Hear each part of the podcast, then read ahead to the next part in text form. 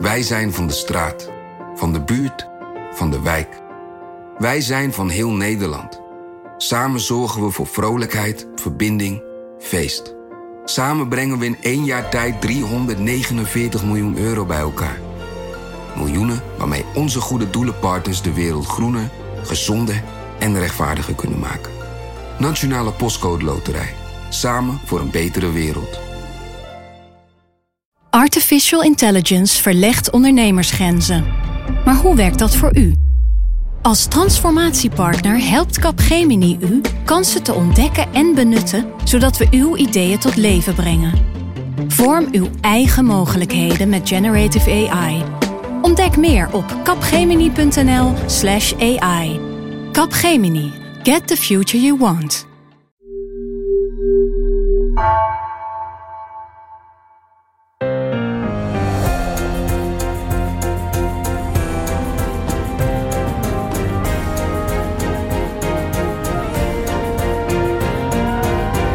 Dit is Haagse Zaken van NRC. Mijn naam is Lemia Aharwai. Het is uh, maandag 15 maart en vandaag zijn de eerste stembureaus geopend. Vanaf nu kunnen we aftellen naar de uitslag van de Tweede Kamerverkiezingen. En die komt naar verwachting in de nacht van 17 op 18 maart. En tot die tijd, tijdens deze campagne, zijn we elke dag even bij je vanaf de grote vergadertafel op de Haagse redactie om je bij te praten. En straks schuiven Pim van den Dol en Mark Liefse Adriaans hier aan om het te hebben over de campagne. Die zijn nu nog verderop eh, hard aan het werk aan de voorbereidingen van het Eén Vandaag debat, dat vanavond op televisie is. Maar eerst uh, wil ik even bellen met Floor Boon, want zij heeft de dag doorgebracht in een stemlokaal in Apeldoorn. Hele leuke stad, dorp, staddorp. Hi Floor, kun je me verstaan? Hi, Lemia. Ja, ik versta je goed. Oké, top. Laten we meteen even beginnen. Want de eerste dag uh, stemmen, uh, daar was jij bij in Apeldoorn. En liep het storm?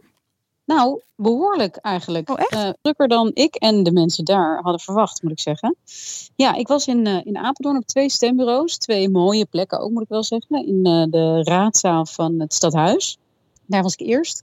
En daar was het, nou, niet super leuk. Gewoon, het liep lekker door. Maar daar waren ze al best wel, nou ja, wel onder de indruk van de opkomst, zeg maar. Die, ja, het liep gewoon de hele tijd door. Mm -hmm. En uh, daarna ben ik even naar de Grote Kerk gewandeld. En uh, dat is een hele, nou echt, wat de naam zegt, Grote Kerk. Mooie Grote Kerk. Ja. Het was druk. Oh het ja? Was echt druk, ja. Maar de, deze dagen, dus 15 en 16 maart, zijn eigenlijk bedoeld natuurlijk voor mensen die onderliggend lijden hebben. Of die uh, kwetsbaar zijn omdat ze oud zijn. Was dat ook wie jij daar binnen zag komen? Heb je mensen naar gevraagd? Wat, wat, wat zag je daar? Ik denk dat het echt het grote merendeel was uh, ouder. Hè, valt onder de categorie kwetsbaar, zoals die is aangemerkt uh, door de overheid en die dus mocht stemmen. Er waren ook veel mensen die zeiden uh, boven de 60 te zijn, sommigen ook boven de 70. Heel veel zeiden overigens wel dat ze zich niet kwetsbaar voelden. ze gingen niet briefstemmen, ook heel duidelijk, maar wilden wel heel graag zelf hun stem uitbrengen. Maar ik heb ook zeker wel een aantal mensen gesproken die, ja, die kwam het gewoon goed uit. Die hadden vrij van hun werk bijvoorbeeld, of die waren toevallig in de buurt en dachten, nou ja, kan ook nu stemmen. Dus die, die gingen ook. En ja, het mag ook. Hè. Het is heel erg bedoeld voor kwetsbare mensen. En uh, het ministerie heeft heel erg nadrukkelijk opgeroepen voor alle andere mensen om op woensdag te gaan. Maar ze kunnen het niet verbieden. Dus het mag wel. En um, die stembureauleden, wat, wat zag je daar gebeuren? Waar voelden die, die zich veilig? Want daar was vooraf natuurlijk wel een beetje wat om te doen. Zou dat wel allemaal kunnen binnen de coronaregels? Ja, het, nou, het was vooral heel veel mensen dat. Een van de grote problemen was dat veel mensen van tevoren af hebben gezegd. Op het laatste moment, of niet eens op het laatste moment, maar wel in de afgelopen vier tot acht weken, zeg maar. Omdat ze toch dachten: van ja, jeetje, als, uh, zoals uh, Rutte zei op de persconferentie begin februari, die had het over de onvermijdelijke derde golf. En uh, de verwachting was dat uh, de besmettingspiek echt zo nu, zo half maart zou liggen. Dus er waren best wel veel mensen die toch ineens dachten van, hmm, is dat nou wel een goed idee? Veel stembureauleden zijn ook hè, op leeftijd, zijn heel vaak gepensioneerd of ouder. Het zijn mensen die dit in hun vrije tijd doen en als vrijwilliger daar in die stembureaus gaan zitten. Maar goed, de mensen die, die er nu zitten, die hebben er dus heel bewust voor gekozen om ofwel het risico te accepteren of ze voelen geen risico. Mhm. Mm -hmm. Dat verschilt per persoon. Maar nee, ik moet zeggen, het was, het, wat ik hier in deze twee, het zijn er natuurlijk maar twee, uh, stembureaus zag, zag er wel echt goed uit. Ook in die grote kerk waar het zo druk was. er stonden wel rijen, maar mensen konden afstand houden. er waren allemaal looprichtingen, zodat mensen, weet je wel, via twee sporen, zeg maar, zo'n bureau gingen. Kregen dan een biljet achter iemand van iemand die achter een kuchscherm zat, met alle mondkapjes op natuurlijk. Dus ja, ook mensen die ik bij de, bij de uitgang daarover sprak en ernaar vroeg, dan zeiden mensen wel van, nou, het was wel druk, maar ze hadden zich niet onveilig of onprettig gevoeld of zo. Ja, want we hebben het nu over Apeldoorn. Daar ben je de afgelopen tijd geweest. Wie de kranten volgt, die heeft een, een mooie serie van jou gezien eh, de afgelopen eh, weken. Want de, de aanloop naar deze dag uh, die, is, um, ja, die is best wel moeilijk geweest, hè? Ja, het is vooral heel anders geweest dan anders. Ik moet zeggen dat ik had me ook nooit zo gerealiseerd hoeveel werk eigenlijk het organiseren van überhaupt een verkiezing is. En hoeveel mensen daarbij betrokken zijn, hoeveel daarvoor moet worden geregeld en voorbereid. Maar zeker nu met alle coronamaatregelen was het echt veel meer werk dan normaal. En dat was eigenlijk voor ons ook de reden om eens te kijken van, en voor mij de reden om, eh, om te gaan kijken en om mee te lopen met deze gemeente. Van joh, wat speelt er allemaal? Hoe gaat dat in zijn werk? Waar lopen ze tegenaan? Nou, Apeldoorn, uh, je hometown, toch? Lemja? Ja, zeker. Vandaar al mijn complimenten. Ik ben zeer complimenteus over Apeldoorn. uh, is, uh, ja, nee, het spijt me om te zeggen, maar het is wel uh, een van de meest gemiddelde gemeenten van Nederland. Ja, en dat compliment. daarom ben ik daar ook gaan kijken. Um, maar wat je dus zag, is dat ze heel veel, hè, ze, de helft van, of iets minder, 40% van de stembureaus die ze normaal gesproken hadden, konden niet meer worden gebruikt. Want die zaten heel veel in verpleegtehuizen, bejaardentehuizen en scholen. Moesten ze alternatieven voor vinden briefstemmen, dat gaat normaal gesproken wel van Nederlanders in het buitenland, maar die komen dan allemaal bij de gemeente Den Haag terecht. En nu mogen alle 70-plussers in hun eigen gemeente briefstemmen. Dus ineens moest de gemeente gaan nadenken over het briefstemmen. Stembureauleden die helemaal afzeggen op het laatste moment. Nieuwe mensen vinden. Uh, zorgen dat je een stembureau op zo'n manier kunt indelen dat er voldoende afstand überhaupt te houden is.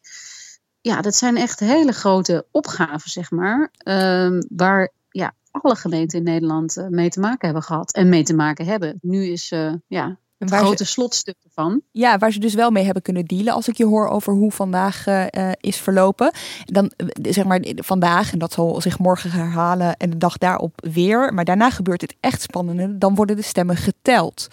Gaat zeg maar deze andere manier van stemmen, dus verdeeld over drie dagen met al dat briefstemmen erbij. Gaat, is dat van invloed op de uitslag wanneer dat komt bijvoorbeeld? Wanneer die komt? Nou ja, ze, gaan, ze, zeggen van niet. Ze zeggen dat het gaat lukken. Dat het op dezelfde tijd uh, uh, de, dat ze de uitslag kunnen weten. En het grappige is dat uh, het heeft eigenlijk een voor- en een nadeel. Het voordeel is dat alle briefstemmen en alle stemmen die op maandag en op dinsdag worden uitgebracht, die mogen al worden geteld vanaf woensdagochtend om half acht ochtends. Dat is een voordeel, want normaal gesproken mogen alle stemmen pas, hè, mogen gemeenten pas beginnen met het tellen van de stemmen om negen uur s avonds op woensdagavond op verkiezingsdag. Dus ze hebben een hele extra dag voor vaak duizenden, soms tienduizenden, ligt eraan hoe groot de gemeente is, extra stemmen. Wat wel weer een punt is, is dat met name dat briefstemmen veel en veel meer tijd kost om te tellen. Omdat je een envelop moet openmaken en dan zie je daarin een stempas en die moet je controleren. En daar zit dan nog een envelop in. En daar zit uh, het stembiljet in. En dit zou Nederland dus... niet zijn als dat niet tot in de details is voorbereid. Want er zijn zelfs tijden voor bedacht. Hè? Hoe lang dat ongeveer duurt, dat hele proces dat jij net beschrijft. Nou ja, de, de, precies. Het ministerie die had helemaal berekend dat twee personen, dus zeg maar een koppel, in acht uur 500 briefstemmen konden openen. Nou, toen heb ik uitgerekend dat dat uh, eh, 1 minuut en 52,5 seconden uh, per uh, brief is, zeg maar, Heerlijk. om voor te openen. Um, het lijkt in de praktijk nu, vertelde iemand die ik daar vandaag op maandag sprak, dat het iets sneller kan. Dus ze hebben wel weer, hè, ze denken van nou, als, we, als ze van tevoren heel snel met een briefopener eerst alle brieven openen maken en daarna dat hele proces van checken of een, of een stembiljet klopt en of het een geldig uitgebrachte stem is, dan kunnen ze er weer wat tijdswinst boeken. Dus nou ja, zo, zo op heel klein gedetailleerd niveau proberen ze een beetje nu al te leren van hoe het gaat. En, uh, ja, nou, ik... Zullen we wel ook al om negen uur s avonds op woensdag weten uh, veel gemeenten, een deel van de stemmen zijn dan al geteld. Ja, en hopelijk dat dat dus uh, de exit post, dat die gewoon weer kunnen binnenrollen zoals we dat uh, gewend zijn. Dankjewel Floor en wij zien elkaar morgen weer, want dan zit jij hier op deze plek om Haagse Zaken te presenteren. Succes daar. Zeker. Yes, dankjewel.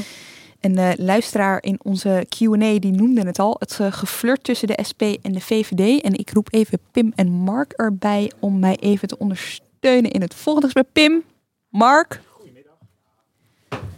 Hallo. Hoi. Welkom Goedemiddag. allebei. Ja, zet die koptelefoon maar op inderdaad. Het gaat ten koste van je kapsel. Jongens, ik wil het even met jullie uh, hebben over. Uh, laten we beginnen met. Het is redelijk hoe dichter bij die verkiezingen, of tenminste vandaag is het al begonnen, hoe meer er gebeurt. Ik wil het eerst even met jullie hebben over de SP.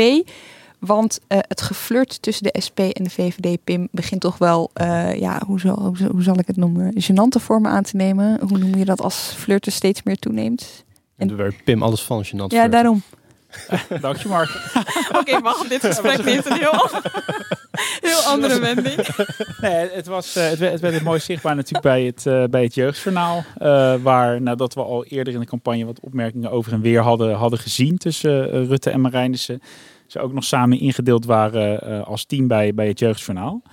En ja, het viel me eigenlijk op dat, dat ze daar ook wel best wel prima konden samenwerken. Meneer Rutte, mevrouw Marijnissen, gefeliciteerd. En, uh, Gefeliciteerd. Is het samenwerken nou een beetje bevallen? Ja, heel goed. Ja. Nou, het voelt toch een beetje als uh, uh, een fusie tussen Ajax en Feyenoord. Oeh, zeg maar. ja, Ajax Feyenoord, maar, maar, maar, op eigen kracht, hè? dat zag je. Ja. ja. Het, het, het, was dus niet helemaal op eigen kracht. Ik kwam Marijnissen net tegen hier op straat en die vertelde me dat wat wij niet zagen op beeld was dat zij, zij vroegen dus natuurlijk deed het hulp aan die kinderen. Hè? Want ze wisten zelf niet vals. helemaal ja. hoe het moest. En dat die kinderen dus inderdaad ook wel echt behoorlijk wat aanwijzingen hebben gegeven. Uh, maar dit, dit is uh, onderdeel van een, ja, hoe zou ik het zeggen, een paringsstand, om maar even in die thematiek uh, te blijven, die we de afgelopen dagen al wel langer zagen. Hè? Uh, in de campagne heeft Radio 1 één voor één de lijsttrekkers afgelopen tijd uitgenodigd. En het, aan het eind van de uitzendingen mocht dan de hele tijd de lijsttrekker die er was een vraag stellen aan de lijsttrekker die er de volgende dag zou zijn. En wat je zag was dat ze natuurlijk allemaal hele moeilijke vragen voor elkaar hadden voorbereid. Behalve Rutte, want die wilde ja, het iets anders doen bij Marijnissen. Goed, uh, u mag nog een vraag stellen aan degene die hier morgen ja. is. Dat is Lilian Marijners van de SP. Ja, nou ja Lilian, uh, uh, om te beginnen, complimenten hoe jullie de campagne doen. Het, het, het verkiezingspotje en, en überhaupt de hele... Het heeft weer een beetje de sfeer terug van 2006. de vrolijkheid die de SP toen uitstraalde. Ik vond het daarna allemaal wat somber worden en je zag het ook wegzakken. jullie hebben nu weer een vrolijke campagne. En ik heb eigenlijk helemaal geen vraag, maar alleen een aanmoediging. Dit is volgens mij hoe je de SP moet neerzetten. Als een vrolijke partij. Inhoudelijk zijn we het over bijna alles oneens. Uh, maar jij bent een, een prachtcollega. Ik, ik zeer heb je gesteld. En ik hoop ook dat je deze sfeer kunt vasthouden in je partij. Het zal niet altijd makkelijk zijn. Uh, maar jou lukt het. Ja, ik zou wel zeggen. Ja, de SP mag ook aanschuiven, hoor ik ja, al. Dit is, dit is een flirt. Nou, de persoon, Lilian Marijnissen, ja. Maar, maar het is wel ingewikkeld met hen om neemt de partij ook mee. Ze neemt de partij. Maar we gaan allemaal Jurgen, de... okay, politiek duiders, wat zien wij hier? Nou, dit is wel een beetje een kiss of death, toch? Rutte die de SP complimenteert met een fantastische campagne. Ik denk dat ze bij de SP dit liever niet hadden, toch? Lijkt me. Dat Rutte zegt van, nou, jullie voeren een goede campagne. Na, na tien jaar of elf jaar oppositie voeren tegen Rutte. En dan zegt Rutte dit over je. Nou ja, je kan ja. ook zeggen, Pim, de SP is de afgelopen tijd wel bezig geweest om die deur naar regeren iets meer op een kier te zetten. Nou, ik denk zeker dat, dat Rutte doelt hè, op dat Marijnissen misschien een wat meer constructieve houding toch aanneemt. Uh, in ieder geval in, in deze campagne. Het valt me inderdaad enorm op dat zij, uh, terwijl de SP hè, um, meestal toch niet uh, hè, per se wil regeren en ook bij de vorige campagne 2017 echt de VVD ook nog expliciet heeft uitgesloten toen als eventuele regeringspartner.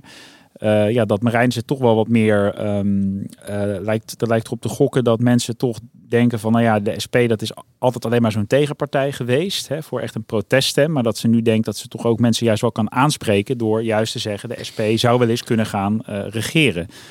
Um, ja, ik denk dat de SP eigenlijk een partij is die al een jaar of elf in crisis zit. Of in een soort identiteitscrisis. Dus twijfelt tussen inderdaad, eh, is het een oppositiepartij die vooral tomaten moet gooien en proteststemmen moet binnenhalen. En ook daar waardering voor krij krijgt van kiezers. Dus misschien kiezers aantrekt die helemaal niet verwachten dat ze gaan regeren.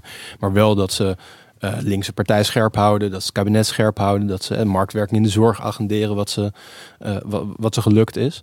Um, of dat ze inderdaad regeringsveeg moeten worden. En eigenlijk onder Roemer, ja. hè, de, de voorganger van Marijnissen, had je een periode dat dit heel erg werd ingezet. De SP moest gaan regeren, moest burgemeesters gaan leveren, moest gedeputeerden gaan leveren. En de SP was er toen heel trots op dat in 2011 in de staten van, uh, of in de gedeputeerde staten van Brabant gingen samenwerken mm. met de VVD.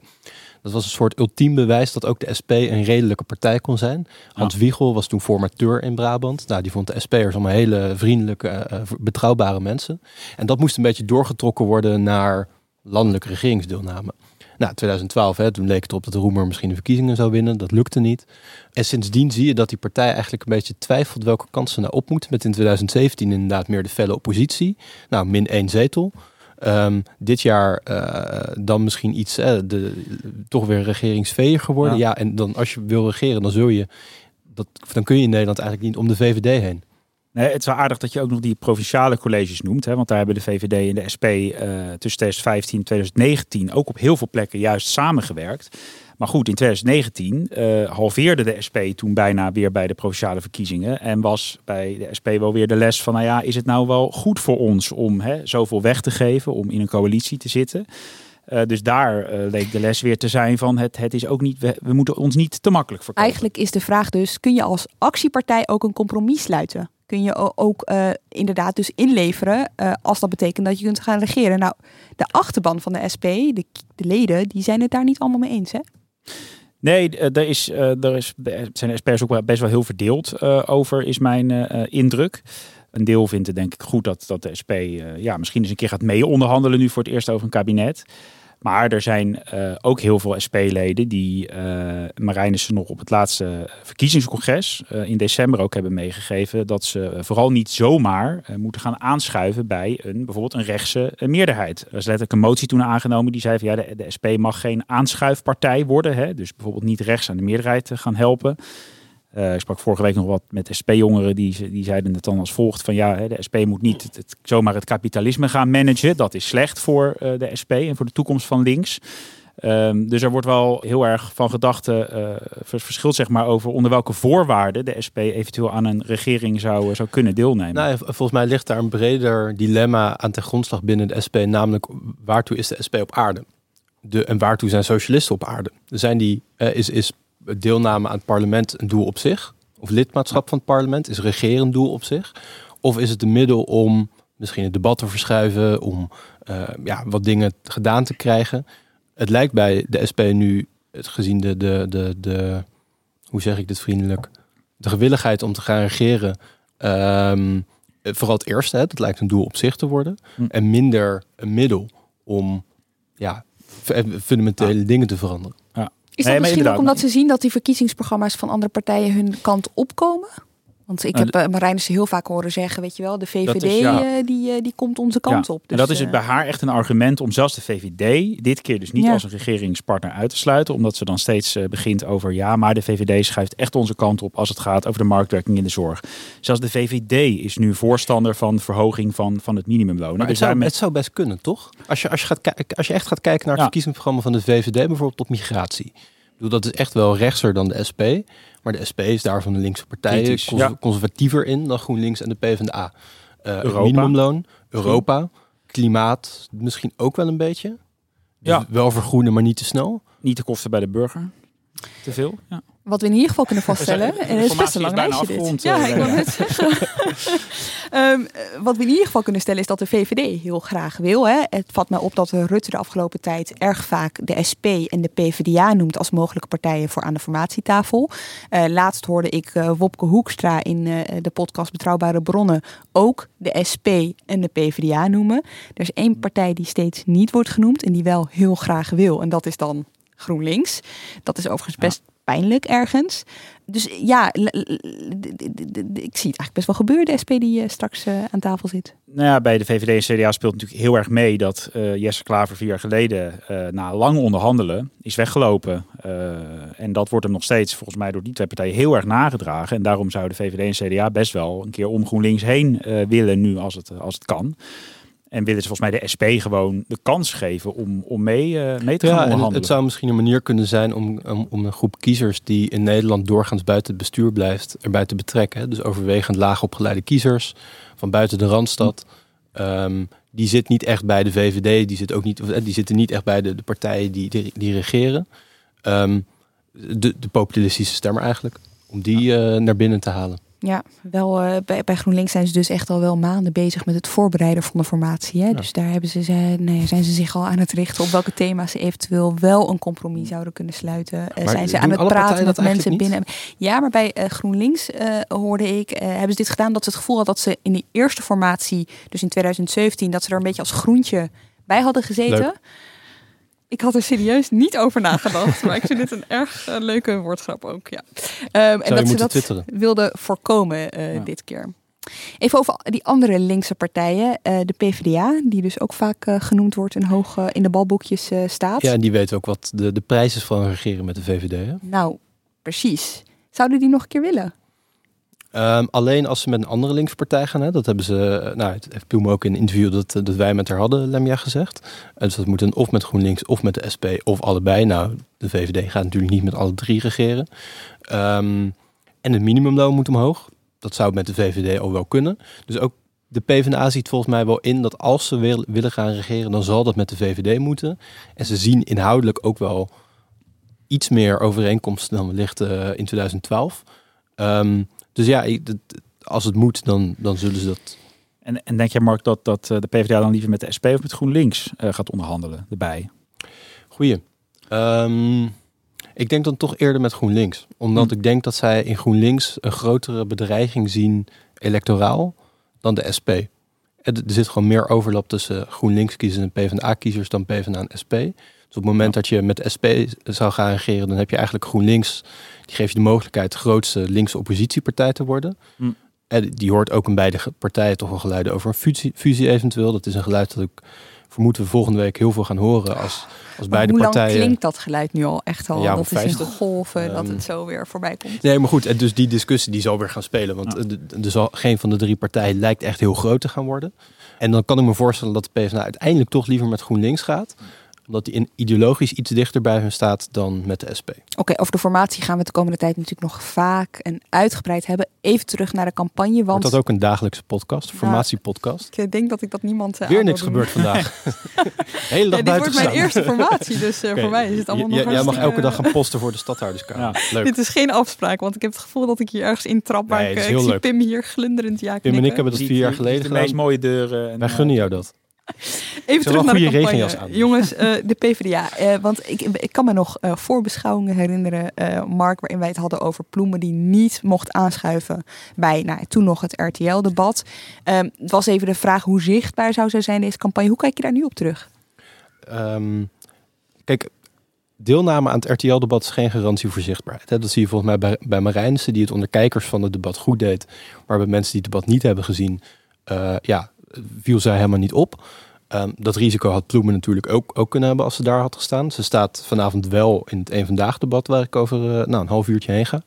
Dat is voor, voor de PvdA echt het moment om zich te presenteren. Morgenavond is het slotdebat natuurlijk ook zo'n moment. Uh, het is rijkelijk laat, dat weten ze in de PvdA. In de PvdA redeneren ze dan dat veel mensen in de laatste dagen pas een keuze maken. Um, het is natuurlijk uiteindelijk ook best veel op tv geweest. Hè. Ze heeft één op één debat mm gedaan met Kaag. Ze is bij Nieuwsuur geweest. Een um, aantal andere kleinere uh, optredens. Viel me op bij het ehm, debat van Zuid, waar ik afgelopen zaterdag was, dat zij heel eager was. Zij was echt een van de weinigen die niet alleen op haar beurt ging wachten, maar die ook af en toe hup met nou, ze, ze, ze, moet, ze, moet ertussen, ze moet ertussen komen. Ja. Je zag twee maanden geleden, dat is volgens mij bijna op de kop af twee maanden geleden dat ze aantrad. Um, zag je ook dat, dat uh, zij van de lijsttrekkers een van de minst bekende was. Dus zij moest zich bekender maken. Ja, en dat doe je dan vervolgens niet door op je beurt te wachten. Ja. Dus ik denk, hey, dat zag je vorige week trouwens ook toen zij op Twitter Hoekstra uitdaagde voor een debat. Dat is ook zo'n moment waarbij zij ja, zich eigenlijk ertussen probeert te vechten. Ja, vind je dat het lukt? Komt het overtuigend over? Dat uh, is aan de kiezers. Oké. Nou, straks is dus dat, uh, dat uh, een vandaag debat. Jij gaat daarheen. Waar is het? Het is in de Koninklijke Schouwburg in Den Haag. Volgens mij best een mooie zaal. Dus dat, ik wel benieuwd. Eerst zo'n ding in mijn neus, zo'n teststok. Oh ja, is het bij de deur testen? Ja. Oké. En uh, hoe is het debat opgebouwd? Uh, ik bedoel, uh, het is in tweetallen. Er zijn een aantal thema's die ze gaan bespreken. Pim, dat weet jij? Ja, um, de lijsttrekkers gaan ja, in duo's weer in debat. Dus er zijn in totaal drie debatten. Rutte Wilders, Klaver Kaag en Ploemen Hoekstra. En ze mochten allemaal hun eigen thema aandragen.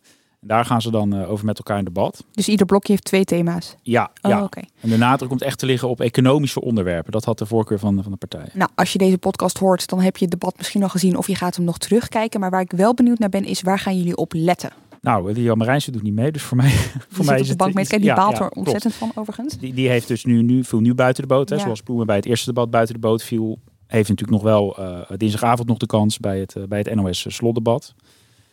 Um, ja, en kijk, ik, als je nog vraagt van waar ga ik nog op letten bij de SP voor de komende dagen, is natuurlijk de grote vraag, hè, ondanks al de, de speculiezen, onze speculiezen over of de SP nu mag gaan onderhandelen en gaan regeren, moeten ze eerst nog maar eens een beetje een uh, goede uitslag zien neer te zetten. Want ze staan toch op uh, verlies in de peilingen. Dat zal het alleen maar moeilijker maken om straks mee te praten. Ja, bij de SP heerst een beetje het gevoel, begreep ik, dat ze denken van uh, net nu we op stoom lopen, zijn die stembussen al open. Voor ons komt het eigenlijk net te vroeg.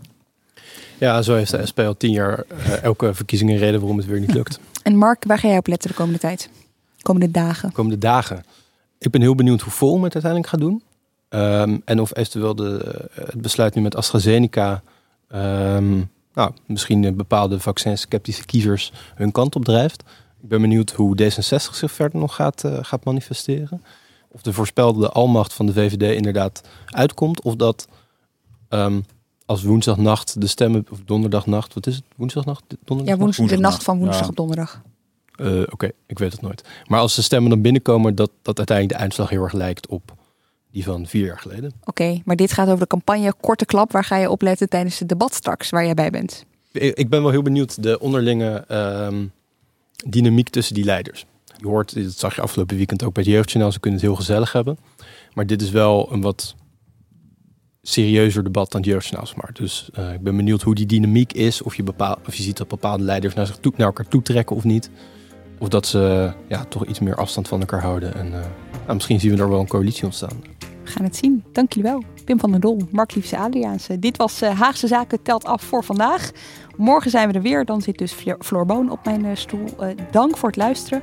Ook dank aan de productie. En krijgen ook van de Werven en Iris Verhulstonk. Tot morgen.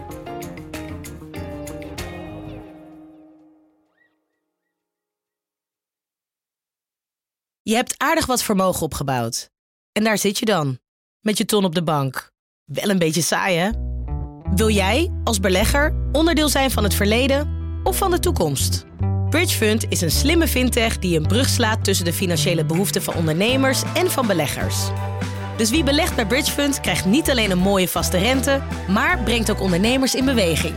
Echt waar, met die ton kan je zoveel betere dingen doen. Bridgefund. Make money smile.